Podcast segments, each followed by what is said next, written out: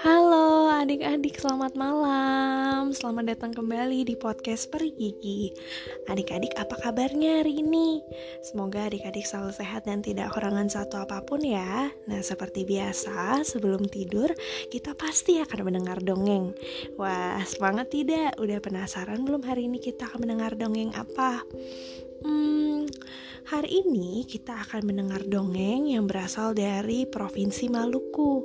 Ada tidak adik-adik yang saat ini sedang mendengar berasal dari Provinsi Maluku? Kalau ada, kebetulan sekali ya. Dongeng hari ini berjudul Rusa dan Kulomang. Yuk kita dengarkan. Pada zaman dahulu, hiduplah sekelompok rusa di hutan rimba Kepulauan Aru. Siapa pun tahu bahwa kemampuan rusa berlari sungguh sangat cepat luar biasa. Begitu ringan langkah kakinya seakan hendak terbang saja. Selain merumput, mereka juga sering mengajak adu lari kawanan binatang lainnya. Apabila unggul, rusa itu akan mengambil tempat tinggal pihak yang kalah. Sementara tak jauh dari hutan terdapat pantai yang sangat indah. Di sana hiduplah siput laut yang bernama Kulomang. Wah, jadi Kulomang ini adalah uh, siput laut ya, adik-adik. Di kalangan hewan, siput laut dikenal sebagai binatang yang cerdik dan setia kawan. Diceritakan pada suatu hari, Rusa mendatangi Kulomang. Ia hendak menantang siput laut adu lari hingga sampai di Tanjung ke-11, pantai tempat tinggal sang siput laut sebagai taruhannya. Dalam hatinya, Rusa sudah merasa menang sebelum bertanding. Kulomang dihadapkan pada dua persoalan sekaligus. Jalannya sangat lambat dan cangkang di atas tubuhnya, apalagi cangkang itu lebih besar daripada tubuhnya. Pada hari yang ditentukan, si rusa mengajak teman-temannya untuk menyaksikan kehebatan larinya. Sedangkan Kuloma membawa serta 10 teman-temannya. Mereka termasuk bagian dari rencana si Kulomang. 10 ekor siput laut dalam rentang jarak tertentu bersiap di tempatnya dari Tanjung kedua hingga Tanjung ke-11. Si Kulomang tentu saja berada di tempat mulainya pertandingan Diperintahkannya agar mereka menjawab setiap pertanyaan si rusa dengan ucapan, "Aku persis di depanmu."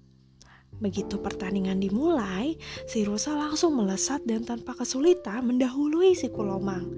Setelah beberapa lama ia tiba di Tanjung kedua. Napasnya terengah-engah. Dalam hati ia yakin bahwa si Kulomang tertinggal sangat jauh. Ia berteriak-teriak sukaria. Kulomang, sekarang kau ada di mana? Temannya si Kolomang pun menjawab, Aku persis di depanmu. Betapa terkejutnya si rusa. Maksud hati hendak beristirahat sejenak, apa daya ia harus berlari lagi. Hal yang sama terus berulang sampai Tanjung ke-10. Ketika memasuki Tanjung ke-11, si rusa sudah kehabisan napas. Ia terjatuh dan mati.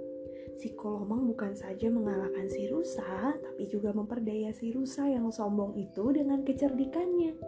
Cerita tamat. Wah, adik-adik, lagi-lagi kita mendengar cerita tentang siput nih adik-adik. Kalau adik-adik ingat, waktu itu kita juga sempat mendengar dongeng tentang asal mula rumah siput. Nah, ternyata dari cerita ini ya adik-adik, kita bukan hanya belajar tentang uh, kesabaran si siput yang kita dengar dongeng lalu, tapi kita juga menemukan bahwa siput itu binatang yang cerdik ya adik-adik. Wah, lucu sekali ya si siput ini. Apakah adik-adik tahu apa ya pelajaran yang bisa kita ambil dari cerita ini? Hmm, ternyata ya adik-adik dari cerita ini kita belajar kalau siput itu adalah binatang yang percaya diri ya adik-adik walaupun dia tahu cangkangnya berat tapi dia tidak menyerah. Dia tetap melawan rusa. Nah justru dari cerita ini kita juga belajar adik-adik. Kita tahu ya kalau rusa itu larinya cepat sekali tapi dia terlalu tinggi hati. Bahkan dia juga termakan kecerdikannya si siput adik-adik. Si rusa merasa kalau dirinya sudah menang. Wah, ternyata dari um, kecerdikan si siput ini, rusa terkalahkan adik-adik.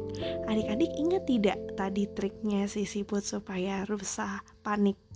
Tadi Si siput, si kulomang mengatakan, aku persis di depanmu. Nah, kalimat itu berusaha untuk mengelabui si rusa adik-adik, supaya si rusa terus berlari hingga kecapean. Wah, menarik sekali ya.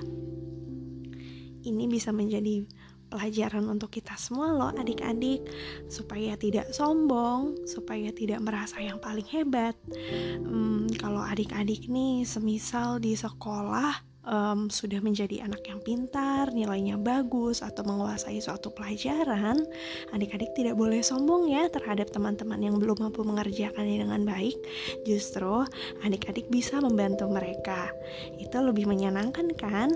Oke, kalau begitu sampai di sini ya dongeng kita pada malam hari ini. Tentunya besok kita akan mendengar dongeng lagi dong.